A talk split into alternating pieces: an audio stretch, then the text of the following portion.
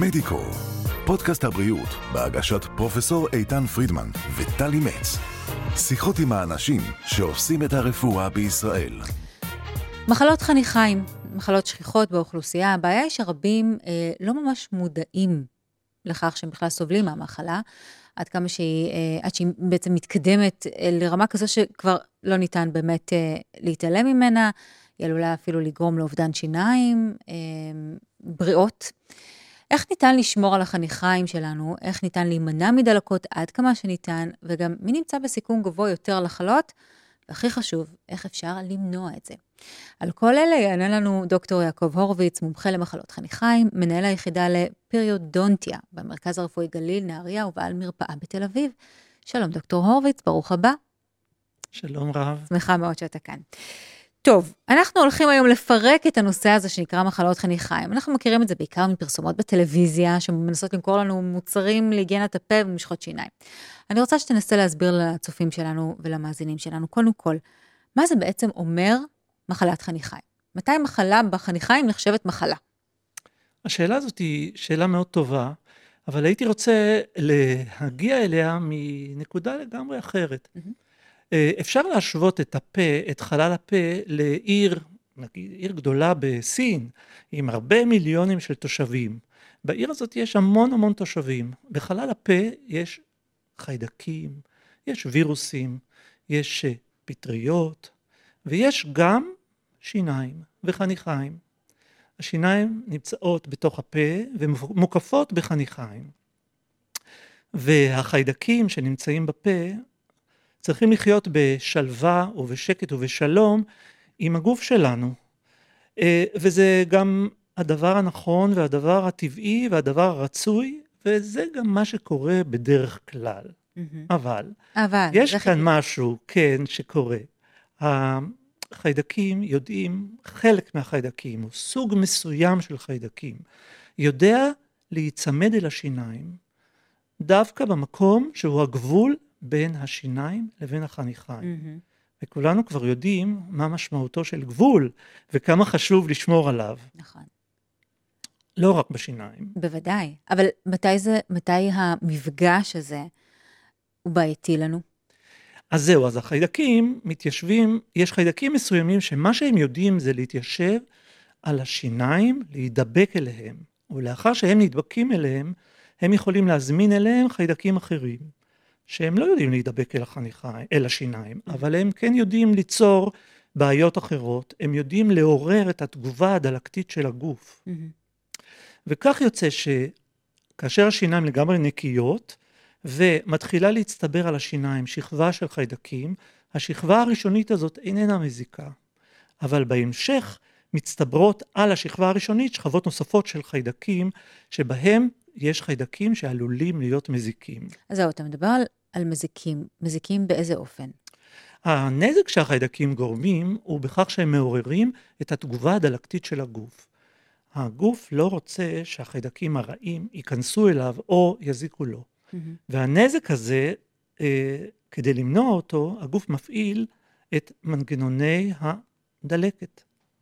ש... כך נוצרת דלקת חניכיים. אוקיי, בסדר גמור. עכשיו, אם אני מנסה, מבקשת ממך לפרוט את זה, אה, ולהסביר בעצם איך זה מתבטא הלכה למעשה.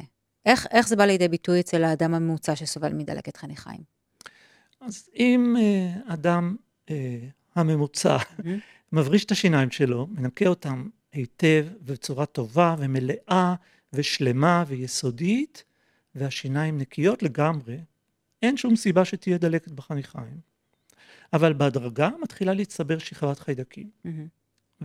והשכבה הראשונה, כמו שאמרנו, היא לא שכבה מזיקה, כי היא מכילה חיידקים שיודעים רק להיצמד אל השיניים. אוקיי. Okay. אבל השכבות הבאות עלולות להיות מזיקות, והן מתחילות לעורר בגוף כמו נורות אזהרה, והגוף מגייס למקום הזה תאים וחומרים שנועדו להילחם בחיידקים האלה ולמנוע מהם מלהזיק.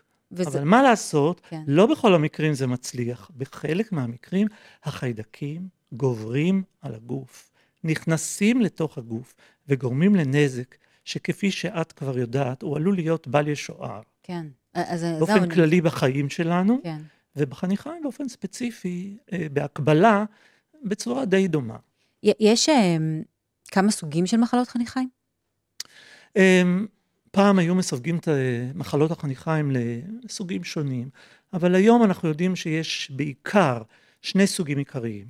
אחד זאת מחלה שגורמת אך ורק לדלקת והדמומיות בחניכיים. Mm-hmm. השם המקצועי של המחלה הזאת הוא gingivitis. Oh, נחמד. המחלה השנייה היא מחלה שגורמת בנוסף לזה גם לספיגה ונסיגה של החניכיים. ואת זה אנחנו ממש לא רוצים. זה הדבר שמפחיד אותנו, כן. ואנחנו לא רוצים את זה. נכון. אנחנו לא רוצים שהחניכיים ייסוגו ושהעצם שמחזיקה את השיניים תיספג, נכון. כי זה תהליך שהוא בלתי הפיך.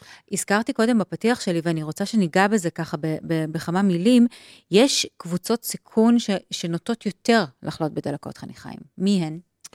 אמ, בקשר לסיכון, זה סיכון לא לחלות במחלות חניכיים, אלא לכך שמחלת החניכיים תהיה אצלהם יותר חמורה. Mm. היות שאם... אופן הביטוי שלה בגוף. אופן הביטוי שלה. את אמרת את זה יפה, נכון מאוד. אה, מפני שאם אין דלקת בחניכיים, אז גורמי הסיכון אינם פועלים. אבל עכשיו בואו נדבר רגע על גורמי הם? הסיכון האלה. אה, יש שתי מחלות שנקשרות היום באופן מובהק למחלת חניכיים, ומהוות גורם סיכון להופעה חמורה יותר של מחלת חניכיים, וזה סוכרת mm. ומחלות לב. אוקיי. Okay. טוב, טוב זה לא, זה לא עושה בשום צורה, לא משנה איך מסתכלים על זה, אבל זה גם זה, זה עוד נדבך שצריך לקחת בחשבון באוכלוסיות הספציפיות האלה. אני רוצה, אני רוצה, אני רוצה לשאול אותך אמ, גם על האופן, בעצם שתי שאלות ככה שיסגרו לנו את הנושא. השאלה הראשונה היא, האם יש דרך להימנע מזה? זאת אומרת, אם אנחנו מאוד מקפידים על היגיינת הפה שלנו, זה יבטיח שלא. בדיוק. כדאי לחזור רגע אחד לדבר הראשון שהתחלתי לספר עליו, וזה אמ, מה אנחנו בעצם יכולים לעשות כדי שהשיניים תהיינה נקיות. כן.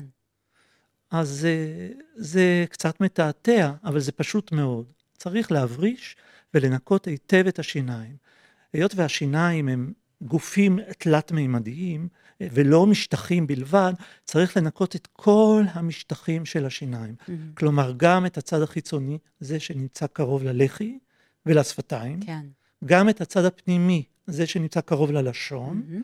וגם את הצדדים שבין השיניים. בטח. זאת אומרת, להיות מאוד יסודיים בפעולות נכון. שאנחנו מבצעים. אה, אין לנו המון זמן. אז אני חייבת uh, שנגיע לעניין טיפול במחלות החניכיים, וגם לגעת ככה, בכמה שהזמן מאפשר לנו, בעניין, בעניין הכירורגי. מתי אתה, uh, כמומחה, תידרש לבצע ניתוח בחולה? היום זה דבר יחסית חדש, אנחנו מחלקים את uh, הטיפול במחלת החניכיים לשלושה שלבים. Mm-hmm. שלב ראשון, זה תרגול והדרכה איך לנקות את השיניים בצורה טובה ויסודית. שלב שני זה ניקוי של השיניים, ניקוי עמוק של השיניים, והסרת האבנית והמשקעית שמצטברים על השיניים. Mm-hmm. אחרי שעושים את שני השלבים האלה, אפשר להעריך מה הייתה תגובת הגוף לשני השלבים האלה.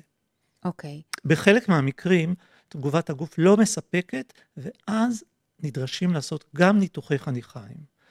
והיום יש לנו באמת מגוון אה, רחב ומשוכלל של ניתוחי חניכיים שאפשר לעשות אותם בצורה עדינה יותר, בצורה שהיא משמרת ככל האפשר את החניכיים, בצורה שלעיתים מאפשרת לנו לשקם מחדש חלק מהרקמות שהלכו לאיבוד, אז יש לנו היום באמת הרבה כלים, כלים, אבל זהו השלב השלישי בטיפול. שלישי וה, וה, והקריטי, יש לומר. לא, אפשר... השלב הקריטי הוא דווקא הראשון. באמת?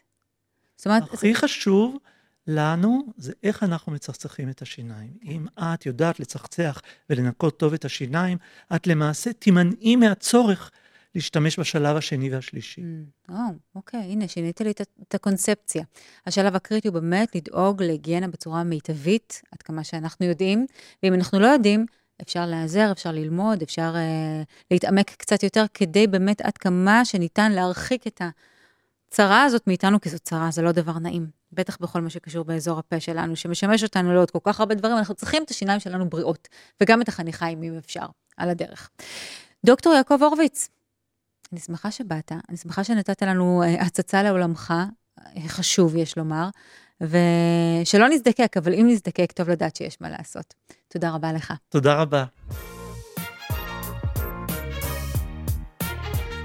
מדיקו, פודקאסט הבריאות של ישראל, בהגשת פרופסור איתן פרידמן וטלי מצ. עקבו אחרינו בספוטיפיי, אבל פודקאסט, גוגל ויוטיוב.